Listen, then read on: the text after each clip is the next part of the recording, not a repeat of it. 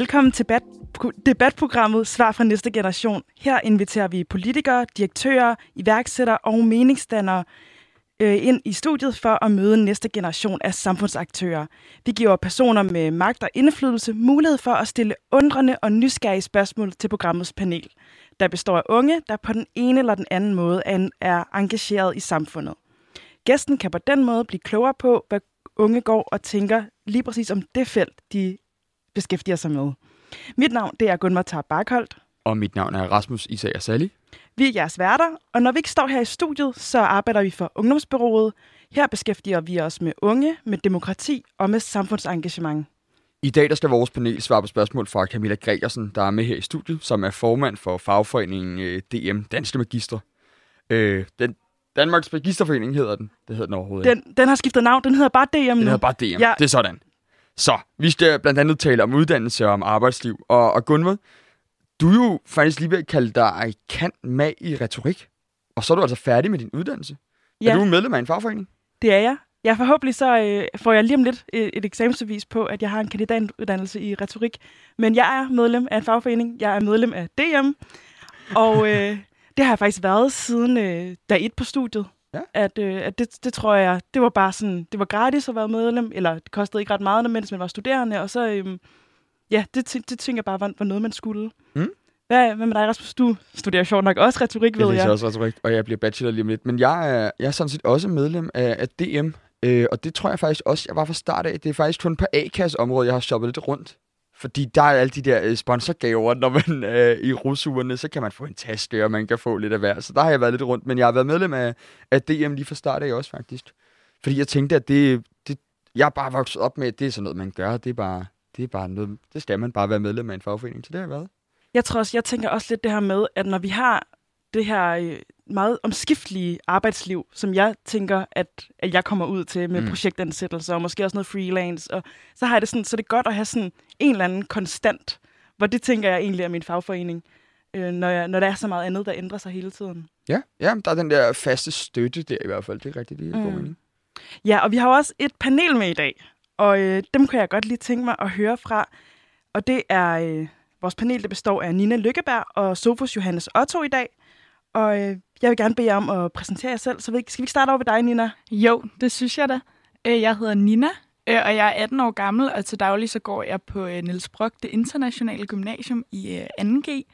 Øhm, og derudover så er jeg medlem af ASU, som er Akademiet for Samfundsengagerede Unge, hvor jeg har et projekt, som handler omkring at forebygge diskrimination og ligesom øh, finde ud af de her strukturer, der ligesom er i samfundet, som øh, skaber den her diskrimination.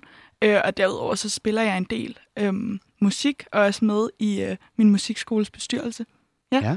Vil du ikke lige øh, holde, jeg holder lige fast, vil du ikke lige forklare, hvad ASU er som koncept? En ting er, at du laver det her med mm. diskrimination, men hvad er øh, Akademiet for Samfundsengagerede Unge? Jamen, Akademiet for Samfundsengagerede Unge, det er et øh, akademi, som ligesom øh, tager udgangspunkt i at øh, engagere unge, og også øh, tager unge, som allerede er engageret, og hjælper dem med at øh, få, få deres projekter til virkelighed, fordi der er så mange øh, spire af engagement, som har alle mulige idéer, øh, og de får ligesom, vi får ligesom redskaberne til rent faktisk at få vores idéer øh, til virkelighed. Mm. Ja. Hvad med dig, Sofus? Du er også medlem af ASU. Vil du ikke øh, præsentere dig selv, og hvad du går og laver?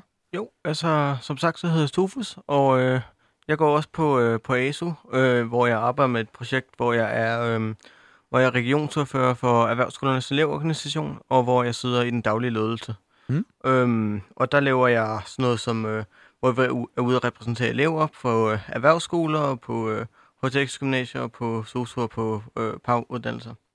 Ja, og så er du også i gang med en ungdomsuddannelse. Hvad, hvad er det for en, du jeg er? Går på, øh, jeg går på HTX på, øh, på Sukkertoppen Gymnasium. Ja, og det er en del af en...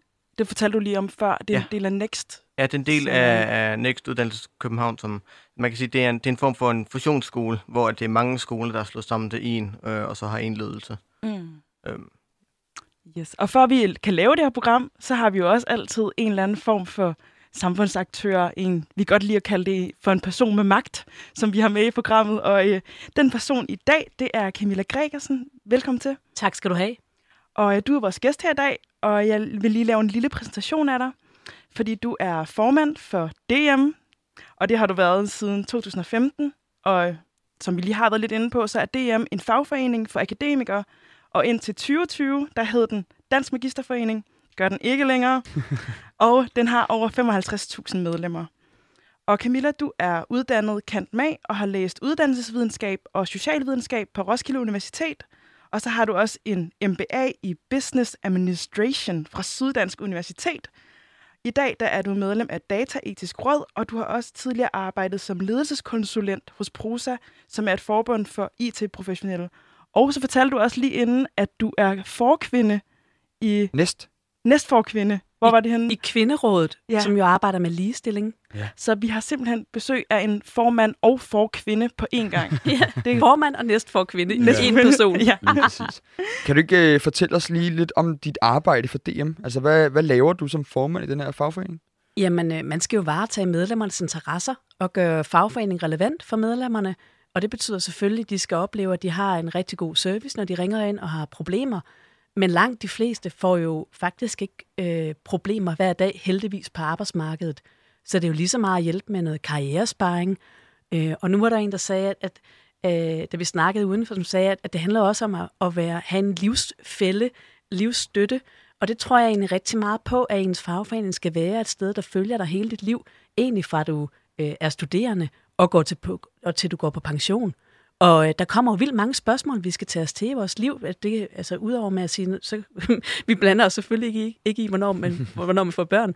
Men når man så får børn, så kan der være ting, man gerne vil have en sparring på. Hvad betyder det så egentlig for mit arbejdsliv, øh, for min karriere? Skal jeg skifte noget spor? Skal jeg tilrettelægge mit liv anderledes? Og det er egentlig også relevant, at vi som fagforening beskæftiger os med det. Så det er selvfølgelig løn og ansættelse og øh, hjælp til, øh, hvis du bliver fyret, men det er jo også en sparring i det daglige. Hvad, hvad er DM så for en fagforening? En ting er sådan det flotte, alle, hvad, hvad fagforeningen er måske er generelt, men hvad, hvad er DM for sig, og hvorfor skal man melde sig ind? Jamen, øh, jeg synes, man skal melde sig ind grundlæggende i en fagforening.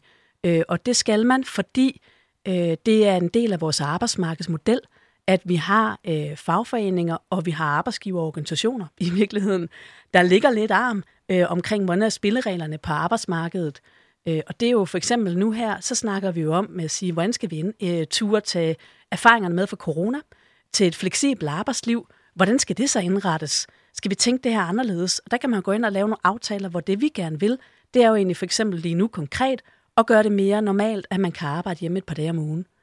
Øh, og det er jo noget, hvor vi så siger, det er faktisk vores medlemmers interesser. Sjov nok oplever vi så nu her pludselig også, at det bliver arbejdsgivernes interesser. Men der var det ikke før corona, hvor vi egentlig løb panden meget mod en mur, når vi taler om det fleksible arbejdsliv.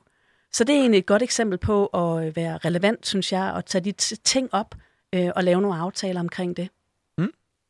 Og nu er du jo kommet herind i dag og er en del af, af vores program, og der kunne jeg godt tænke mig at høre, hvad, hvad, hvilke tanker har du gjort dig om de spørgsmål, som du har valgt at stille? Altså, hvad er baggrunden for dine spørgsmål? Jamen, jeg er jo meget nysgerrig på de her øh, vildt øh, samfundsengagerede unge mennesker, der sidder her i studiet. Og jeg må sige, jeg synes jo, det er helt forrygende at opleve nogen, der er så dedikeret, øh, som de to, vi har med i studiet. Så det glæder jeg mig rigtig meget til en samtale om, både omkring faktisk deres øh, måske kommende studieliv, men måske også arbejdslivet, hvad de tænker omkring det. Mm. Og hvis jeg så kigger over mod jer, kendte, Nina, kendte du godt øh, DM før i dag? Nej, faktisk ikke øhm, så meget. Nej, jeg havde måske lige hørt om det, men det var ikke øh, noget, jeg kendte meget til, nej. Hvad med fagforeninger generelt? Er det, Jo, altså jo, jeg kender da, sådan, jeg er da blevet opvokset med, at fagforeninger er en vigtig øh, del, men sådan, så meget har jeg heller ikke sat mig ind i det endnu, også fordi jeg ligesom ikke øh, har været på arbejdsmarkedet i så lang tid. Øh, men det er da helt klart noget, jeg tænker, øh, jeg skal øh, finde ud af øh, i de kommende år. Ja. Hvad med dig, Sofus? Har du noget kendskab til DM og fagforeninger? Jamen altså, jeg kendte faktisk godt DM før i dag, øhm, men jeg hvad det hedder, men det var mest sådan fra aviser og, og, og sådan noget, øhm, og man kan sige, øh, det, altså det er, jo, det er jo ikke noget, som jeg sådan har selv haft så meget inde på livet, øhm, øh, selvom jeg, jeg, jeg kender det til en del fagforeninger og kender en hel del, som er, øh, som er øh, aktive i fagforeninger og er og ligesom er en del af det. Men, men, men selv har jeg ikke været en del af en fagforening før. Mm. Er det noget, du kunne forestille dig, at du skal senere i livet være medlem af en fagforening? Ja, det kan jeg forestille mig også, fordi altså, det, det burde jeg jo nok. Jeg, jeg har jo selv et, et, et øh, fritidsjob, så, øhm, så det, det burde man jo nok, men det er jo ikke noget, det er jo ikke noget, det er jo tit noget, man ikke får gjort, når, når man er sådan helt ung. Mm. Ja, der skal ligesom være en anledning, og der tror jeg i hvert fald for mig var det en anledning, da jeg så startede på en videregående uddannelse. Ja. At det tænker jeg. Helt sikkert, men prøv at høre, vi skal simpelthen til det. Fordi Camilla, hvad, øh, hvad er dit første spørgsmål til panelet? Jamen, jeg havde tænkt mig at stille dem et spørgsmål, om de egentlig ved allerede nu, hvad de gerne vil læse, og om de vil læse en videregående uddannelse. For nu er I i gang med jeres ungdomsuddannelse, og øh, jeg har jo kigget lidt i Danmarks Statistik, hvor jeg kan se, at der stadigvæk er de her omkring godt 20 procent, der ikke får en øh, kompetencegivende uddannelse. Og det synes jeg jo selvfølgelig er, er trist, og noget, vi skal tage meget alvorligt i samfundet. Jeg ser rigtig gerne, at der er flere, der får en uddannelse, og vi får minimeret det, vi kalder restgruppen. Men jeg vil gerne høre, hvad, hvad, hvad jeres drømme er, om I allerede har tænkt på, hvad for en uddannelse I vil tage ind på. Ja, jeg synes bare, at vi kaster bolden over til dig, Nina, til at starte med. Jo, øh, jo, jamen jeg har øh, en masse tanker omkring uddannelse. Umiddelbart så tænker jeg, at jeg gerne vil læse øh, International Business på øh, CBS.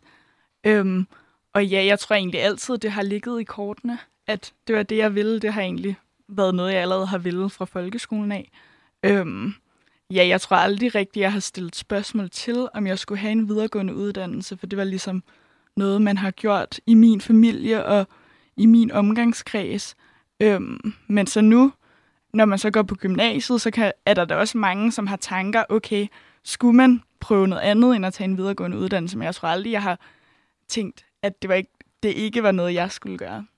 Tror du, der ligger nogle, nogle forventninger også? Nu siger du, at det, er sådan, det har Mhm. familien gjort altid, og alle Ja. har ligesom en videregående uddannelse. Tror du også, der ligger så nogle forventninger om, at det skal du også gøre? Ja, det gør det da helt sikkert. Øhm, jeg tror da, det vil blive accepteret, hvis jeg ikke gjorde det, fordi at det skal jeg da have lov til, men sådan, ja, det er da en implicit forventning om, okay, hvor skal, hvad vil du så, Nina? Det er ikke, vil du noget, Nina? Det er, hvad vil du? Øhm, så det er der da en kæmpe forventning om. Hvad, hvad, hvad er det, der lige trækker ved øh, hvad hedder den internationale business and politics? Hvad, hvad, hvorfor er det, du overvejer den? Øhm, det er ikke en politics. Nå, Men, øh, men det, der egentlig trækker ved den, det er, at jeg har selv boet et år i øh, Canada, øh, og jeg kan virkelig godt lide det her internationale perspektiv, og så har jeg også altid været meget interesseret i øh, økonomi og meget sådan logik, og så særligt, nu, nu går jeg jo selv på handelsgymnasium, så har jeg også fundet ud af, at det er særligt strategidelen, som er det, jeg er interesseret i. Og så har jeg jo bare været inde og kigge på alle uddannelserne og fagene, og hvilke nogle fagkombinationer, jeg synes kunne give mig de kompetencer, øh, som jeg gerne vil have, øh, og hvad der egentlig interesserer mig. Er det noget sådan, jeg er nysgerrig på, nu går du på, øh, på HHX, ikke? Mhm. Mm-hmm. Handelsgymnasie. Er, har det ligget sådan i kortene, at, at det allerede var businessvejen, du vil gå, siden du har valgt den, i stedet for en STX for eksempel? Nej, det, det er det bestemt ikke, for det vil jeg faktisk sige. På den anden side, så synes jeg faktisk, at jeg har oplevet modstand på, at jeg ikke har valgt STX, fordi at i mit, altså jeg var den eneste fra min klasse, som øh, valgte HHX. Mm. Øhm, og generelt set i min familie har jeg, er jeg fra en forholdsvis øhm, naturfaglig familie og går meget op i kulturelt. Så sådan, altså da jeg sagde til et af mine familiemedlemmer, at jeg skulle gå på handelsgymnasiet, så fik jeg at vide, nej, det skal du ikke, du skal på, gå, gå på gymnasiet. og jeg var sådan, det er også et gymnasium. Men det, det er stadig lidt en ting, som jeg tror særligt ældre generationer ikke helt accepterer, at der også er andre gymnasier end STX. Øhm, og det har særligt været sådan noget med, at så bliver jeg jo ikke lige så kulturelt dannet, og nu får jeg ikke oldtidskundskab og latin og sådan nogle ting. Så altså, det vil jeg egentlig sige ikke har ligget i kortene. Sådan. Det har jeg egentlig mødt modstand fra. Ja, hvordan, hvordan påvirkede, eller påvirkede den her tvivl dig, eller kom du til at overveje STX, når du mødte den her skepsis for dine omgivelser? Nej, jeg tror mere, det var lige modsat, at det skal de da i hvert fald ikke påvirke, fordi at jeg ved godt, det er det bedste for mig, men sådan, der har da helt klart været noget, som har irriteret mig, fordi at jeg ikke helt har følt, at altså nu, altså min familie har støttet mig 100%, men sådan, der har der været sådan et spørgsmålstegn til, hvorfor vil du dog det? Sådan, for jeg har klaret mig rimelig godt i skolen, sådan, hvorfor vil du dog vælge det, når du kan det her? Og jeg har været sådan, ja, men altså, det er ikke fordi, det her det er mindre øh, godt, sådan, det her det er 100% det bedste for mig. Så ja. Ja. Godt. Sofus, nu kigger vi, øh, nu kigger vi på dig i stedet for på Nina. Øh, hvad hedder hun? Camilla spørger om det her, om jeres valg af uddannelse, om det er allerede noget, I, I overvejer. Hvad, hvad overvejer du? Ved du allerede, hvad du gerne vil læse, hvis du vil læse? Jamen, altså, jeg tror, det er meget sådan noget med, øh, nok noget samfundsvidenskabeligt eller noget humanistisk. Øhm, jeg overvejer primært statskundskab, øhm, men jeg vil sige, det kommer også meget ind på, hvad jeg kan få i snit, kan man sige. øhm, men, øh, jamen det, og det er jo egentlig, altså, det er jo egentlig sådan lidt, det adskiller sig lidt fra mange af mine klassekammerater, fordi mange af mine klassekammerater, det er jo øh, et HTX, jeg går på et teknisk gymnasium. Øhm, så der, der adskiller jeg mig meget, kan man sige. Øhm, og jeg, jeg, jeg tror også bare det, altså, fordi da jeg startede på HTX, der, der var jeg meget sådan, der var jeg meget interesseret i naturvidenskabelige fag og i teknologi. Øhm, men det har jo så ændret sig meget, og, øh, og nu, øh, nu, nu vil jeg så nok hellere på noget, noget samfundsvidenskabeligt, gerne statskundskab, men også måske noget jura eller lignende. Ja, hvor, hvor, hvorfor netop blive dem? Jamen det er fordi, altså, øh, efter jeg begyndte at starte gymnasiet, så, øh, så begyndte jeg at interessere mig ret meget for politik og for samfundet helt generelt øh, øh, på alle mulige vinkler. Øh, især det her med, øhm, øh, hvordan, øh, hvorfor politikerne de siger, som de siger, det interesserer mig meget. Ja. Du Camilla, havde, du se, du... Ja, jeg, jeg tænkte bare, det der karakterpres, du nævner, du egentlig er under, kan du ikke lige uddybe, hvordan det opleves? Fordi det øh, hører vi jo fra rigtig mange unge, at der faktisk er det med at sige, hvis man vil på en bestemt uddannelse, øh, at så oplever man en vis pres for at skulle præstere. Kan du ikke lige uddybe det? Jo, men altså, det er jo klart, øhm, der, altså, der er jo nogle uddannelser, som får et, øhm, et utrolig højt, øh, en utrolig høj adgangskvotient, øhm, så, som ligesom gør, at du skal op og have nogle ret høje karakterer i rigtig, rigtig mange fag. Øhm, og så kan man sige, det kan måske være et problem i forhold til, at, at så skal man op og have øh, nogle høje karakterer i nogle fag, øh, som ikke er så relevante for lige præcis den uddannelse, man vil ind på. Altså for eksempel, hvis jeg, øh, nu vil jeg gerne ind på statskundskab, det er jo meget med samfundsfag og med alt sådan noget. Øhm, men så kan det måske alligevel blive min kemikarakter, der kommer til at bestemme, om jeg kan komme ind der. Og det synes jeg, det kan godt blive, det kan godt blive lidt gøjlet. Mm. Hvordan, hvordan påvirker det dig i din, i din hverdag, at du sidder måske med en interesse for noget, stag, noget samfundsfag og noget øh, sprog eller et eller andet, og så samtidig så ved du godt, at hvis du skal kunne komme ind på en uddannelse, så skal du også have idræt og kemi og have høje karakterer der. Hvad, hvad tænker du omkring det? Jamen, det giver jo et, øh, et, et, et ekstra pres. Øhm, og, øh, men jeg vil så sige, samtidig så, så er det måske også øh, fint, at man, at, altså, at man bliver ligesom, man får et, et incitament for at klare sig godt i skolen og, og ligesom præstere det mere. Øhm, det tænker jeg er en god ting, men, men jeg tænker også helt klart, at øhm, at nogle gange, så når de her adgangsfortjenter, de når op i nogle helt svimlende og høje øh, niveauer, så, som ikke helt er så gavnlige i forhold til, at, at, at man ikke nødvendigvis er så god til ens fag, øhm, nødvendigvis. Mm. Hvad med dig, Camilla? Da du, øh, nu har vi jo læst, at du har gået på RUK. Mm-hmm. Hvad, hvilke forventninger følte du, der var, da du skulle øh, starte på en uddannelse? Jamen, jeg øh, er jo nok fra en lidt anden tid, var jeg lige ved at sige, hvor der ikke var lige så meget pres på, og ikke så lige så meget bevidsthed om det. Jeg var egentlig lige kommet hjem efter et år i udlandet, og så øh, var jeg på en øh, festival, der lå ved Roskilde, som vi jo alle sammen kender. og så tog jeg egentlig ud for at få en brochure, og så spurgte den søde dame i administrationen, hun spurgte, om jeg vidste, hvad dag det var.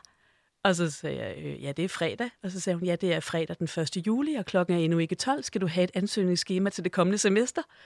Og så sagde jeg, øh, ja, det kan jeg da, skal jeg da nok. og så, øh, så ringede jeg til min mor, der arbejdede på Aarhus Havn, og sagde, du må altså lige køre hjem og faxe øh, mine eksamensbeviser fra gymnasiet ind, fordi nu, nu melder jeg mig ind på øh, et universitet. Ej, hvor fantastisk. så, så, så man kan sige, det var egentlig ikke så øh, velovervejet, men jeg blev rigtig glad for det, og jeg fandt så ud af øh, på den hårde måde, at der ikke boede så mange omkring øh, RUK, da jeg startede, for jeg havde stort set kun været på Roskilde Festival og ellers set kronjuvelerne. Jeg kom øh, fra Aarhus af. Øh, så det var sådan lidt, øh, det var en interessant øh, studiestart for mig i hvert fald. Ja. Lad os sige, jeg, jeg læste rigtig, rigtig meget i starten, for jeg boede helt alene, og jeg kendte ikke nogen. så blev man i hvert fald meget dedikeret omkring sine studier, så på den måde var det måske meget fint. Ja. Ja, så det lå ikke nødvendigvis no, i kortene. Men, men det lå ikke i kortene, og jeg oplever jo, at der er et andet pres på ungdom i dag. Det er egentlig derfor, jeg fortæller den her lidt sjove anekdote.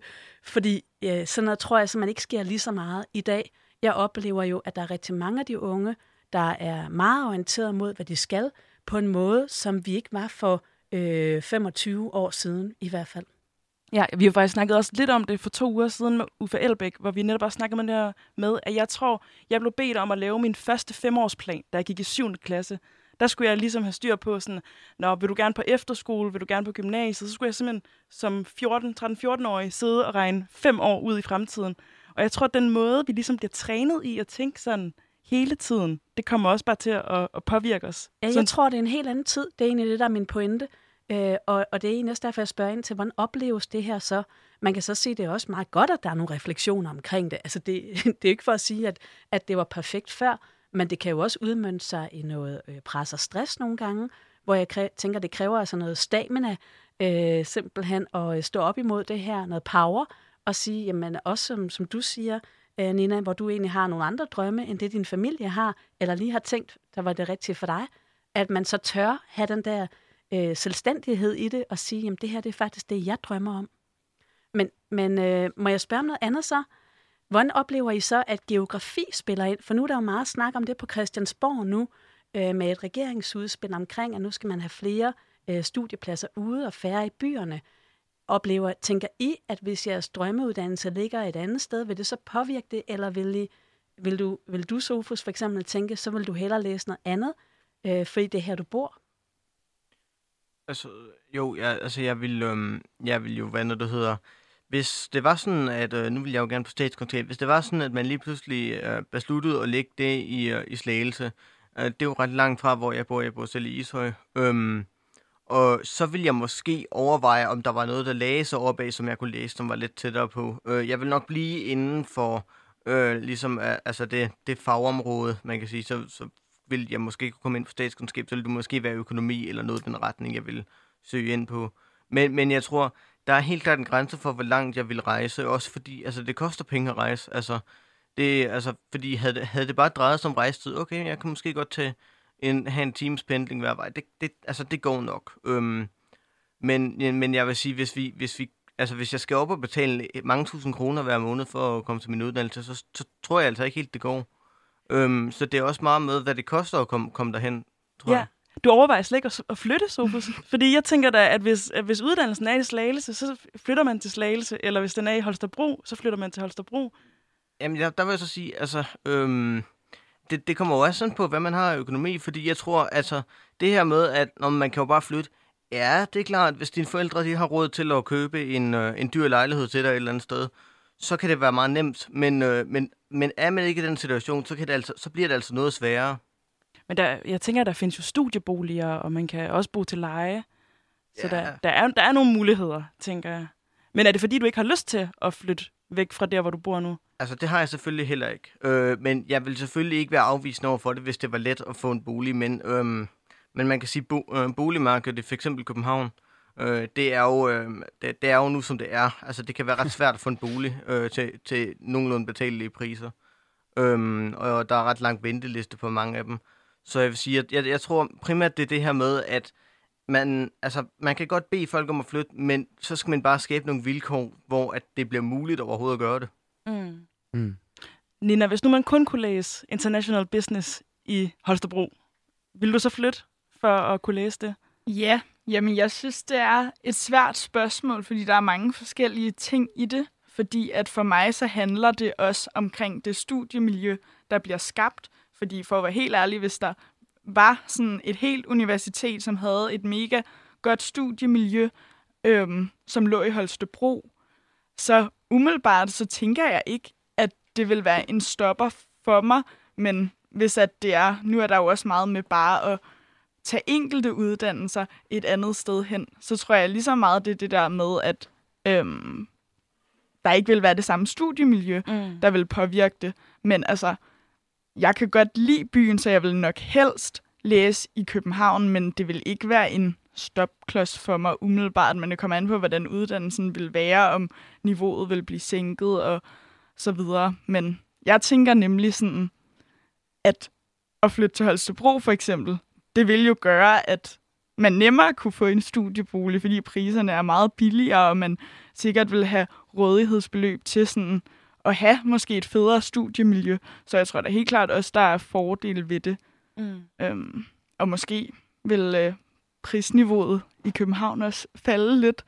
Ja, hvis der er nogen, der, der ikke er lige så meget efterspørgsel for det. Ja, lige præcis. Mm. Øhm, men ja, men jeg synes, det, jeg synes, det er et svært spørgsmål.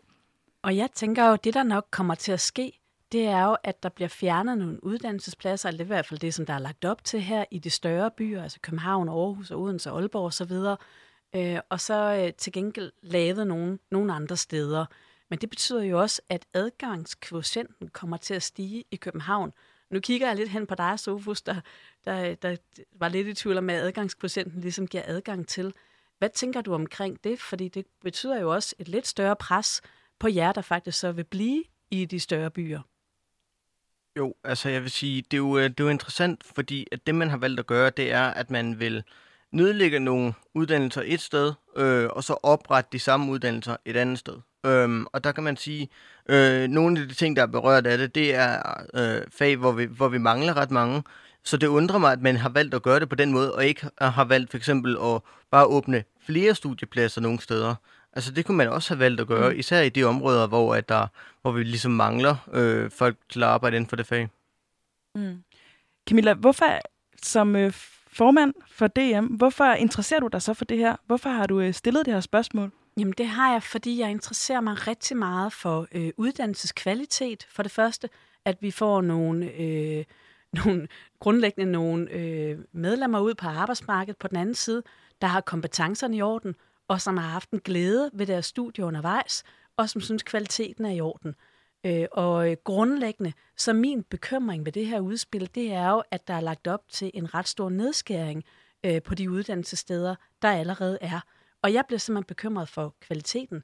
Så nu har jeg spurgt sådan lidt rundt det her ind til, øh, fordi nu er det jo ikke øh, politiske partier, man sidder til forhandling her, men en god samtale, vi har her om, hvad det betyder.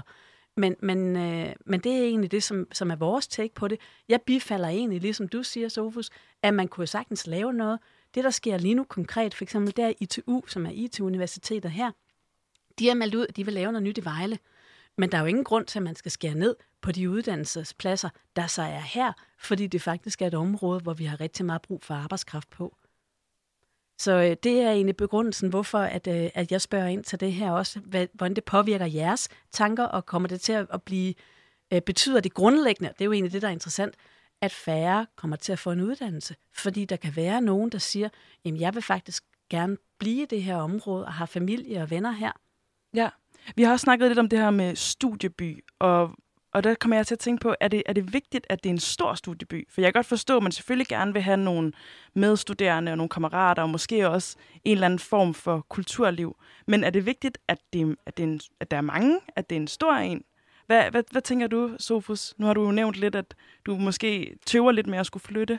Hvad, hvad er det, der er vigtigt for dig, der hvor du bor, siden at du er i tvivl om, du vil flytte? Jamen, altså, jeg tror bare, jeg tror, det er vigtigt for mig, at jeg gerne vil blive der, hvor, hvor jeg bor, fordi altså, det er der, jeg har mine venner, det er der, jeg har min familie.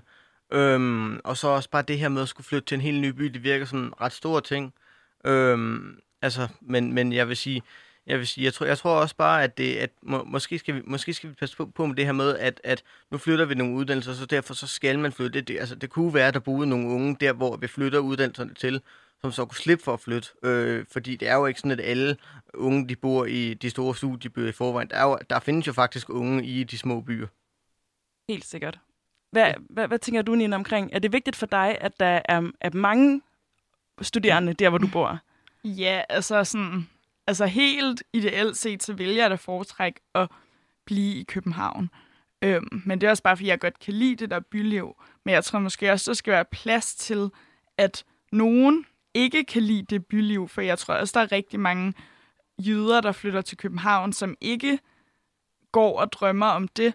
Øh, det har jeg i hvert fald mødt mange. Min egen, min mor, hun er fra Jylland, øh, også min far, men sådan, hun blev tvunget til at flytte til København, og det var også en kæmpe, kæmpe omvæltning for hende, ligesom øh, du beskriver, og nu er hun så øh, bosat i København, fordi der ikke er jobmuligheder i Jylland, hvilket hun egentlig ikke, øh, at der hun, altså sådan, hun synes ikke, hun kan ikke lide det her storbysliv, og det tror jeg, der er mange andre, der også oplever, så sådan, jeg synes også, det måske er ærgerligt at tro, at alle unge drømmer om det her storbysliv. Mm. Øhm, især måske i København, så mange af dem, jeg taler med, de har måske lidt den forestilling, fordi det er det, vi godt vil, når vi selv bor i København, og det er det, vi er vant til.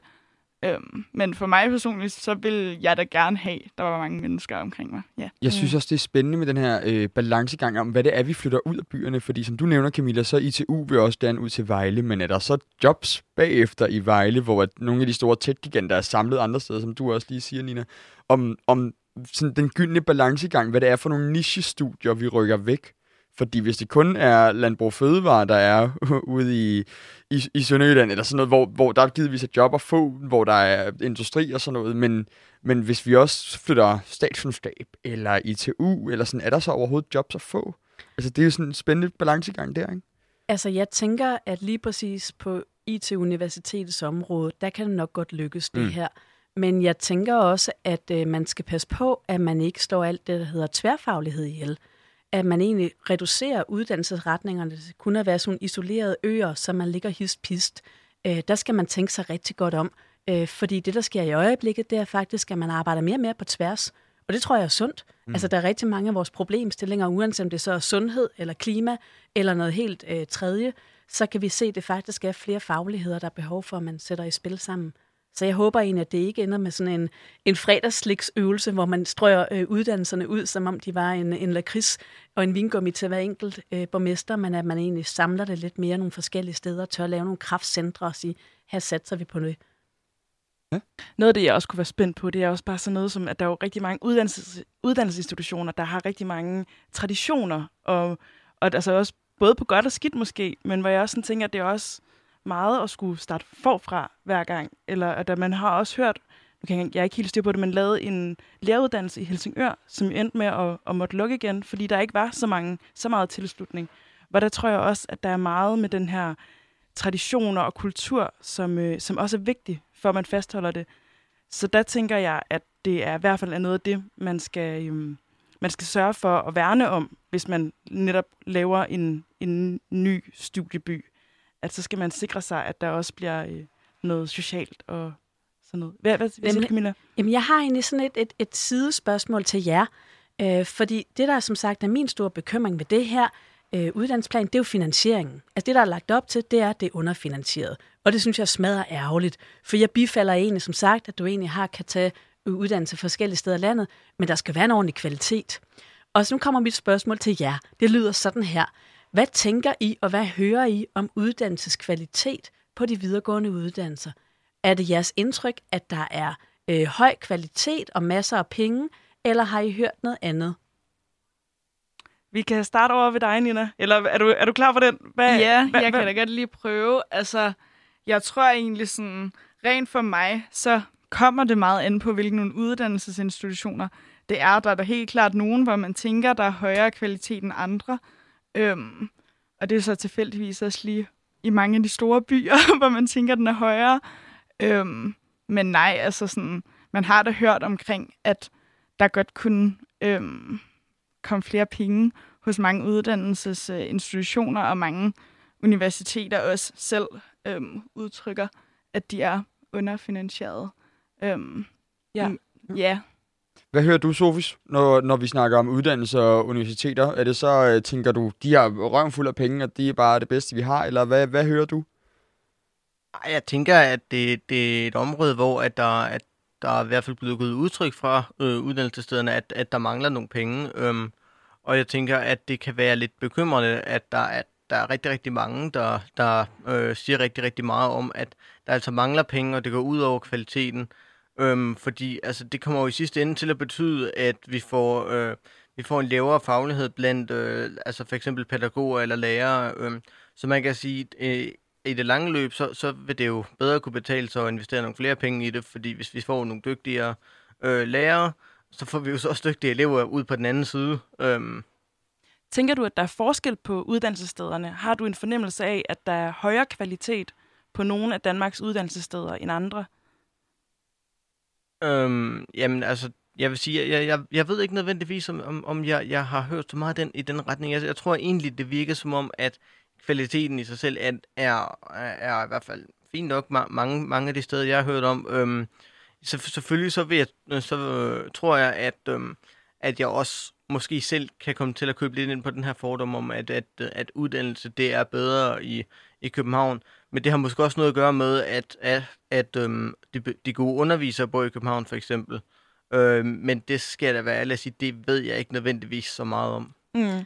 Og, og jeg skal måske lige sige der, jeg kan i hvert fald faktuelt sige, at der er gode undervisere i hele landet. øh, men, men, men, men I har en, en pointe i det, og jeg var bare nysgerrig på, øh, hvad I ville sige. Fordi det, der skete under den tidligere regering, det var, at man gik ind og skar 2 procent igennem fire år. Øh, og det kan altså stadig mærkes, og det er jo både på det, vi kalder erhvervsakademier, professionshøjskoler, det er dem, der uddanner øh, lærere, pædagoger og sygeplejersker, og det gælder universiteter. Så det er alle de videregående uddannelser, der faktisk har fået en ordentlig en med ostehøvlen øh, gennem flere år. Og jeg tænker bare, at det var noget, som jeg tænkte, man ville, øh, skulle være sådan en ungdomssag i virkeligheden. Så jeg kigger lidt hen på jer og siger, øh, øh, en af jer er også studenterpolitisk aktiv, og siger, om det er noget, man snakker om der, at vi egentlig skal have genoprettet kvaliteten. Ja, jeg vil også lige kaste bolden over på dig, Gunnar, fordi nu har du gået på uni i 5-6 år. Ja, der er jeg. Uh, har du kunne mærke den her altså sådan nedstæring? Nu snakker vi 2% hvert år. Jeg ved ikke, om det stadig fortsætter. Det håber jeg ved Gud ikke, det stadig gør. Nej, det gør det ikke.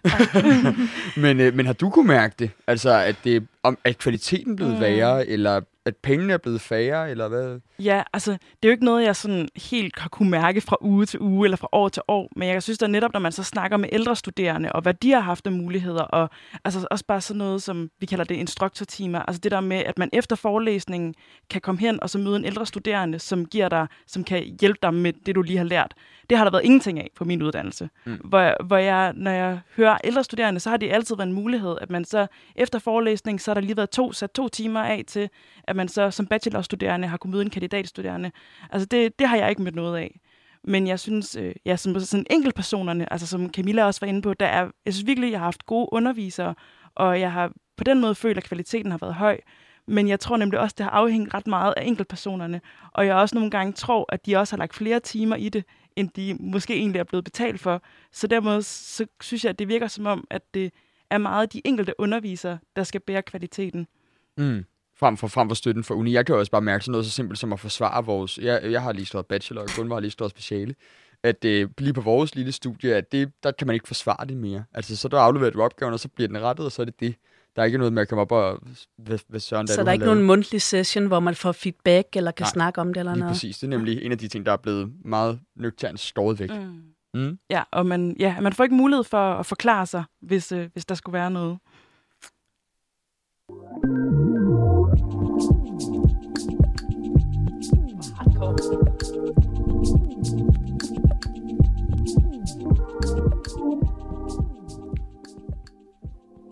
Vi er i gang med programmet Svar for næste generation, og med os i studiet der har vi vores panel, som i dag består af Nina Lykkeberg og Sofus Johannes Otto. Og vores gæst her i første time, det er dig, Camilla Gregersen, der er formand for, for DM.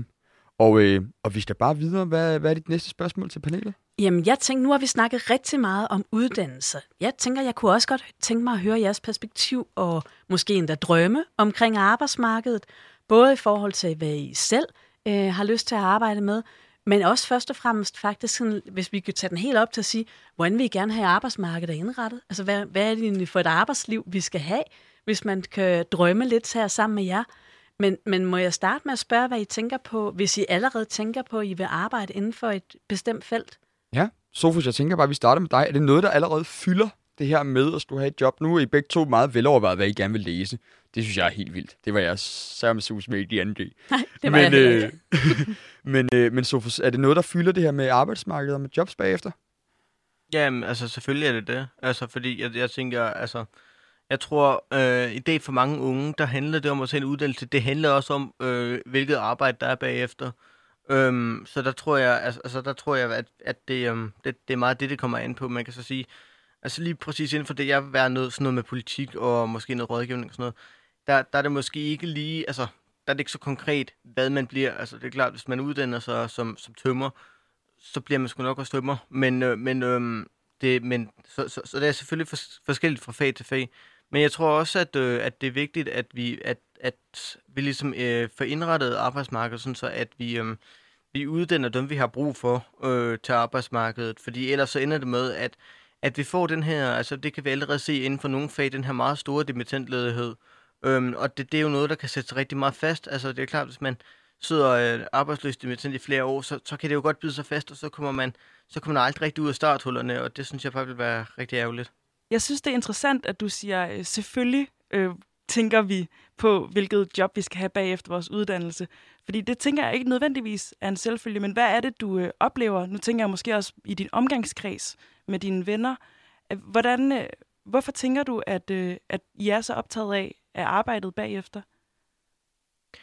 Jamen, det er, jo, det er jo egentlig et meget godt spørgsmål. Jeg tror, det handler om, at man i samfundet ligesom har skabt et, et ideal om øh, det gode arbejdsliv. Man kommer ud, og så lever man et eller andet, der interesserer en. Øh, altså, det er klart, man, man hører hele tiden sådan succesfulde folk, de taler om, at man skal, hvis man får et arbejde, hvor man synes, det er mega spændende, så kommer man i princippet aldrig til at arbejde, fordi man synes, det er så spændende, at det ikke føles som arbejde. Og det, det tror jeg, det er et ideal, som har påvirket rigtig mange unge på en eller anden måde. Ja, Ja, jeg tror faktisk, jeg har engang hørt Bjarke Engels sige det, at hvis det, føles, hvis det føles som arbejde, så gør du det forkert. Det synes jeg, det, det er lidt af en udmelding. Øh, Nina, hvad, hvad, hvad tænker du, at betyder det noget for dig, hvilket job du kan komme ud til bagefter? Ja, altså jeg ser det også som en selvfølge, øhm, fordi grunden til, at man tager en uddannelse, det er jo en måde at bevæge sig hen mod det job, man gerne vil have. Jeg ser egentlig alting, man gør, som en måde, man kommer mod ens øh, fremtidige job. Øhm, så jeg ser det helt klart som en selvfølge, fordi hvis man tager en uddannelse, som, som åbner op for et job, som ikke er lige præcis det, man vil have, så er det jo lidt spild måske. Ligger det også øhm. i, øh, i jeres tanker, vi kan starte med dig, Nina, mm-hmm. i forhold til at vælge en uddannelse? For jeg kan huske, da jeg valgte uddannelse, så går man ind og kigger på det der på hjemmesiden, hvor der står, det her kan du blive bagefter. Og så står der også nogle gange noget med arbejdsløshed bagefter og sådan noget. Er det noget, der fylder i valget? En ting er, nu ved du, du gerne vil læse uh, International Business. Er det så også, altså, fylder det, hvad mulighederne er bagefter? Ja, helt klart. Altså sådan, da jeg øhm, skulle vælge uddannelse, så kiggede jeg meget på sådan, hvilke nogle jobs, som jeg synes kunne være interessante at have, og så, okay, hvad har de her personer læst? Øhm, og så hvis jeg, jeg godt vil på CBS, jamen, så er det nok Handelsgymnasiet, der sådan, jeg tror, at det hele har været sådan her, hvad vil jeg i sidste ende, og så hvordan kommer jeg så derhen? Hvilke nogle steps skal jeg tage for at komme derhen? Så ja, det er meget det der, hvad kan jeg blive, hvordan skal jeg så komme herhen? Hvad med de enkelte fag på studiet, jeg kan huske? Altså mm. har du mhm. sådan været inde og læse sådan, om det her, det kunne være noget, du interesserer dig for, sådan fagene, og ikke så meget, hvad man kunne blive til bagefter? Ja, det har jeg faktisk også, fordi at jeg, som jeg nævnte tidligere, i en ret tidlig alder, tænkte jo, det her vil jeg godt. Og så efterfølgende har jeg så været sådan, okay, måske skal jeg kigge på alle programmerne, øh, de forskellige øh, linjer og se, sådan, om det rent faktisk er det. Så jeg har været nede og kigge i fagene, øhm, og så er jeg egentlig øhm, blevet bekræftet i, det var det, jeg godt ville, fordi at det var mange af de fag, øhm, som jeg også er interesseret i nu. Ja. Hvad er det, du tænker, at du... Nu har vi snakket, eller nu har ja. du fortalt lidt om, at det job, du gerne vil have bagefter. Hvad er det for, for et job, du forestiller dig, du gerne vil have? Jamen, altså, jeg vil jo rigtig godt arbejde i et stort internationalt firma, fordi det er meget det her internationale, der optager mig. Øhm, og så kunne jeg godt tænke mig øhm, at arbejde øh, særligt med noget økonomi, men også øh, ledelse. Øhm, ja. Fedt. Fedt. Jamen, øh, må vi også lige høre fra Sofus? Har vi hørt fra dig? Vi har hørt fra dig. Ja, vi har. Men, men Sofus, han sagde også noget interessant, hvis jeg må, øh, må, ja, må ja, bryde ja. ind her, kære medværter. Eller, eller, det er jo jer, der er værter. Jeg er bare gæst. Øh, og sige, at du også oplevede lidt det der pres omkring arbejdsløshed. Øh, og det øh, vil jeg bare sige, at det er faktisk noget, vi tager meget alvorligt fra fagforeningens side. Øh, fordi jeg synes ikke, at de unge skal gå med den her usikkerhed omkring det at sige, fordi det, det skaber faktisk et enormt pres, også når du er under studierne. Vi har lavet en øh, alliance med arbejdsgiverorganisationerne, altså med Dansk Industri og Dansk Erhverv, og med Dansk Arbejdsgiverforening, hvor vi har lavet nogle bud på, hvordan man egentlig sikrer, at øh, I ikke kommer ud i sådan en arbejdsløshedsperiode. Fordi vi synes faktisk, det er et frygteligt pres, de unge mennesker, de er under og sige, lad os få afsat nogle ressourcer til nogle matchning, fordi det er de samme 10 øh, firmaer, som de fleste søger job hos, eller måske 100, men så, så, er, det sku, så, så er det faktisk det, mm. øh, og, som man kender, og der er rigtig mange steder, der faktisk har brug for, for arbejdskraften, sådan så man egentlig kan få lavet nogle hurtigere match, og man egentlig kan få lagt det ind nærmest som jobsøgningskurser undervejs, og til studiet, så man ikke skal gå med sådan uro. Øh, og, og det vil jeg bare sige til jer, at det håber jeg egentlig, der kan blive arbejdet på, sådan så når I kommer ind og, og det har I jo i hvert fald 5-6 år, før I spyttet ud på den anden side, fordi I, jo ikke, I har flere, flere år på ungdomsuddannelserne nu. Der håber jeg egentlig, at vi kommer så langt, at man har tur at give de unge det her, jeg vil kalde det lidt et sikkerhedsnet også, Selvfølgelig skal man selv gøre noget, fordi det er jo en selv, der skal søge. Men jeg tror egentlig godt strukturelt, at vi skal sætte nogle ressourcer af til at hjælpe de unge mennesker. Øh, det er i hvert fald noget, vi arbejder for. Mm. Synes I, at vi fokuserer for meget på fremtiden? Altså, om, om det ikke skal være en uddannelse først, og så det der job, det kommer ligesom på den anden side. Fylder det for meget, det her med jobbet i den sidste ende? Hvad tænker du, Sofus?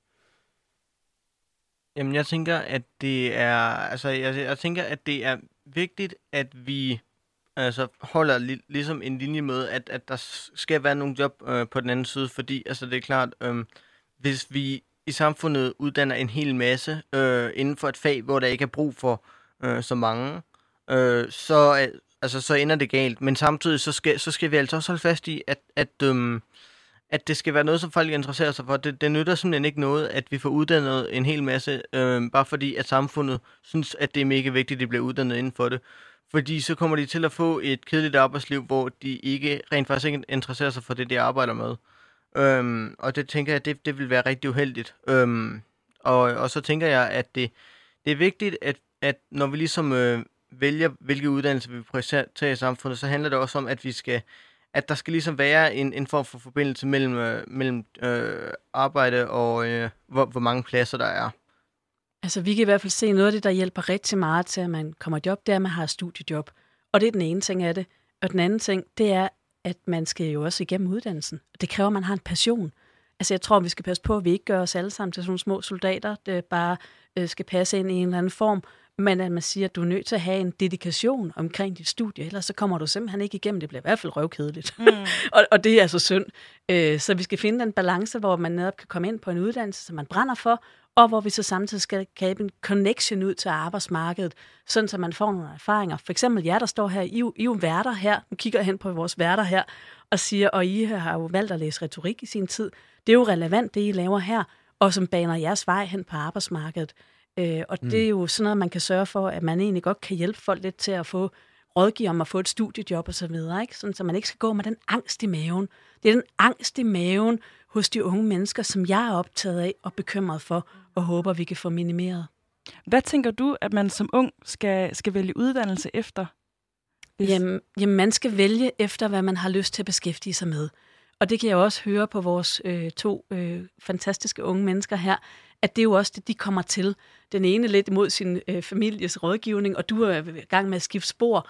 Og det kan jo også ændre sig undervejs, hvad man har lyst til. Man tror, man skal noget, når man er 17 år, og så når man er 20 eller 25, så finder man ud af, hold kæft, det er jo noget helt andet. Øh, jeg er selv gift med en, som droppede ud af sin uddannelse, da han faktisk var øh, øh, et halvt år for at færdiggøre sin kandidatgrad, og startede på en, et erhvervsøkonomi i stedet for, fordi det var øh, mere relevant, og han fandt ud af, at det er det her, jeg har lyst til at lave i stedet for. Og den, den, den, øh, jeg tror, man er nødt til at lytte efter sit kompas i maven, og ikke have noget uddannelsesnopperi og tænke, noget er finere end andet, men at simpelthen ture og gå med det, der føles rigtigt for en selv. Ja, altså, det er en rigtig god samtale og en rigtig god afslutning på det. Vi tager lige en opsamling lige om lidt.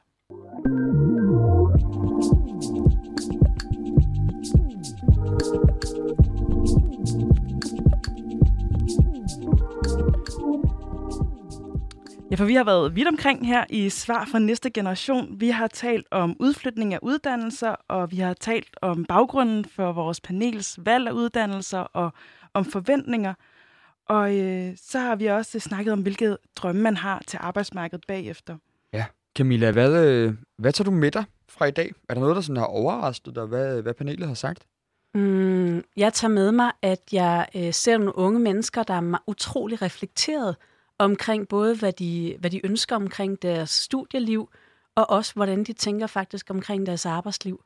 Og på den måde bekræfter I, med, med al respekt, lidt min, min, min, min, øh, mine forventninger til faktisk, hvordan de unge mennesker agerer i dag, hvor jeg oplever, at de unge mennesker, de er så målrettet, og man, så man næsten ikke forstår det, når man er sådan en i, i 40'erne, fordi det, det var vi bare ikke i samme, på samme måde.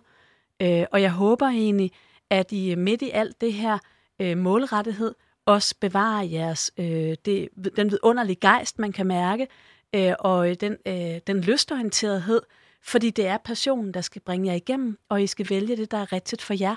Og det håber jeg, at I vil opleve understøttelse i, både fra jeres øh, familie, men også undervejs ved studievejledere og andre, Og vi fra fagforeningsside vil også rigtig gerne hjælpe jer, øh, uanset om I så melder mig jer ind i det hjem, som jeg er formand for, eller en anden fagforening, så kan I jo også bruge det som en livsledsager og til noget sparring. Ja. Nu siger du nemlig det sidste her, hvad, hvad I kan gøre i DM. Er der noget, du har hørt i dag, som du tænker, det skal jeg tage med ind på kontoret senere i dag, og tænke, så det er det her, vi skal gøre noget ved? Eller sådan, er der noget, der har rykket dig i, i lige præcis det konkrete arbejde som formand for DM? Ja, altså jeg bliver i hvert fald bekræftet i det der med at sørge for, at øh, man kan være tryg i maven, var jeg lige ved at sige, altså i forhold til, at der også er et arbejdsliv bagefter, og at man kan komme godt i gang, sådan så man ikke får en lang ledighedsperiode, som man går ned på. Ja, jeg, jeg tænker, når Camilla står her og siger målrettighed, er det så noget, I kan genkende, måske ikke kun for jer selv, men også hvis I kigger på jeres omgangskreds? Føler I, at, at, at målrettighed beskriver det? Hvad tænker du, Nina? Ja. Ja og nej, tror jeg. Det tror jeg helt klart, mange har, men jeg tror også mange... Altså, jeg har også hørt mange tale omkring, at de ligesom er blevet så trætte af, at der er det pres.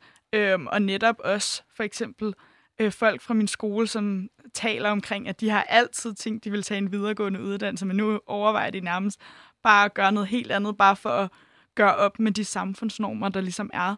Øhm, men det er jo så målrettet på en anden måde måske. Øhm, så jeg tror godt, man kan beskrive det som målrettet, men jeg tror også, det er meget individuelt. Ja. Sofus, er, er du målrettet? Øh, ja, det, det synes jeg er. Øh, jeg har sådan en rimelig god idé om, øh, hvad jeg vil og hvornår jeg vil det. Øh, men jeg tror ikke nødvendigvis, det er sådan for alle unge. Jeg tror, for mange unge, der er der det her pres, men jeg tror, for mange unge, der er der også bare en idé om, at, at, at, altså, at man ikke helt ved, hvad man vil, og så går man i gymnasiet, så finder man ud af det, så kan det være, at man laver noget helt andet bagefter. Mm. Og det skal der jo også være plads til. Det er egentlig også det, der er mit budskab med at sige, at det skal nok gå det hele, alt sammen. Og vi er rigtig mange, der gerne vil hjælpe jer også undervejs. Ja, jeg tænker bare også, om der, om der er frihed nok til det, altså til rent faktisk at følge sin passion og gøre det, man har lyst til. Hvad, Nina, føler du, at der, at, der, at der er frihed til det? Ja, det, ja, til at mærke efter. Ja, det synes jeg faktisk, Mm. der er. Øhm, især sådan, nu så er det ligesom blevet meget normalt, at man kan bare tage sabbatår, og det er ligesom også det, mange rådgiver en til. Øhm, så ja, jeg synes faktisk, det er meget acceptabelt ikke at vide, hvad man vil, og stadig have brug for refleksion. Mm. Tænker du, at du skal have et, et sabbatår? Jamen, det tænkte jeg faktisk ikke indtil for sådan en uge siden, hvor jeg snakkede med en, øhm, som næsten var færdig med sin kandidat, og sagde, at jo, det, det, det bliver jeg simpelthen nødt til, fordi at øh, ellers bliver man simpelthen for skoletræt. Øhm, men jeg tror, at nogle gange kan man godt tænke lidt, okay, jeg ved præcis, hvad jeg vil, og jeg glæder mig så meget til studielivet og det hele. Øhm, så kan man da godt tænke, hvorfor skal jeg så have et sabbatår? Især fordi jeg allerede har haft et sabbatår mellem folkeskole og gymnasie, hvor jeg var på udveksling i Canada. Men altså, ja, det, jeg elskede det år, så sådan, jeg kan da sagtens tage sådan et år mere, hvor jeg også vil have det mega sjovt. Så det tænker jeg, jeg ender med at gøre, men jeg er stadig i øh, overvejelser. Hvordan, øh, hvordan har det været at være med i dag, I to? Nu har I, øh, har I fået en række spørgsmål fra Camilla. Har det været, øh, har det været nogle okay spørgsmål, hun har stillet jer? Vi kan starte med dig, Sofus. Jo, det har været nogle gode spørgsmål, også nogle svære spørgsmål. Øh, altså, meget af det har jo handlet om, hvad jeg selv vil, men også, også omkring altså, ungdommen generelt, og, og meget af det, det, er jo- det kan jo være lidt svært at svare på, øhm, og, og, men også nogle meget, meget vigtige ting. Hvad, øh, hvad siger du, Nina? Ja, jamen jeg synes også, det har været mega interessant, fordi meget af det her med uddannelse er bare meget komplekst og meget individuelt, men jeg synes da helt klart, det har været mega spændende øhm, at få en snak, også blandt andre end bare andre øh, medstuderende, men også folk fra ja, et helt andet sted, helt anden uddannelse end øh, mig, og ja, det, jeg synes, det har været så interessant. Mm. Jeg synes, det har været helt vildt spændende det her med, at I begge to er så overvejet og reflekteret, som Camilla også siger, fordi, som jeg lige fik sagt før, da jeg gik i 2G, altså det var først øh, halvvejs i mit tredje sabbatår, at jeg begyndte at overveje, gud, jeg vil også gerne læse noget. Hvad skal jeg læse? Og så sidde og surfe rundt, og det, det du beskriver, Nina, det har du allerede gjort nu, kigget på adgangsprocenter og jobmuligheder bagefter. Sådan. Det har i hvert fald ramt mig, og gud, der var, der var jeg slet ikke. Hvor var du Ja. kommet? Jamen, jeg var sådan, at jeg har altid en plan. Jeg, jeg vidste, hvad, mens jeg gik i gymnasiet, der vidste jeg også, hvad jeg skulle. Og jeg skulle der studere sociologi, og jeg læste samfundsfag, og jeg var, altså sådan, var helt sikker på, at det var det, jeg skulle. Og jeg startede også på sociologi, og, øh, og var sikker på, at det var det rigtige. Og det var det bare ikke. Jeg startede der, og det var, jeg kunne slet ikke genkende mig selv i det, og jeg kunne slet ikke have statistik og alle de der mange teorier og sådan noget. Så der, der stoppede jeg efter ganske kort tid. Men det var virkelig også sådan, jeg troede, jeg havde en plan, og det havde jeg bare slet ikke. Nej, det var okay, og det var måske meget rart at finde ud af, at den plan også kan blive sluppet ud af hovedet, eller hvad? Jeg tror, at jeg har lært meget af det sidenhen, men altså i, i processen var det slet ikke sjovt. Det var, det var virkelig øh, sådan en, en følelse af at have fejlet, men, mm. øh, men det har helt sikkert noget, jeg har taget med mig videre. Ja. Og måske kunne vi ophæve det som konklusion næsten med at sige, at selv hvis der er så noget, der går galt, eller noget, hvor man tænker, åh nej, nu føles det ikke rigtigt, så skal man turde lytte til den følelse i maven. Og så man sige, at du er nødt til at have en dedikation og en passion for det, du laver. Ellers så bliver det nemlig helt forfærdeligt kedeligt. og så tror jeg faktisk heller ikke, at man øh, får det fulde ud af sin uddannelse. Så det var da skide klogt, det du gjorde. Ja, jo tak. Ja. Jeg er også rigtig glad for, at jeg er inde på retorik i stedet for, fordi det var nemlig meget mere rigtigt for mig. Ja, planen ikke blevet styrende for det, ikke? Lige præcis. Ja. Men prøv at høre, vi, øh, vi når simpelthen ikke med i den her team, så uh, tak til dig, Camilla. Velbekomme. Og tusind tak til jer i panelet, og det var uh, Sofus. Nej, nu har jeg simpelthen gemt ikke jeres efternavn, Sofus og Nina, det får I. Og øh, vi er tilbage lige om lidt i anden time med en ny gæst, og der får vi besøg af Aske Witt Knudsen, som er bæredygtighedschef for DSB. Ja, så når vi er tilbage efter nyhederne, så skal vi tale om transport og affaldssortering og mere transport, øh, når panelet er klar med mere rådgivning til vores gæst.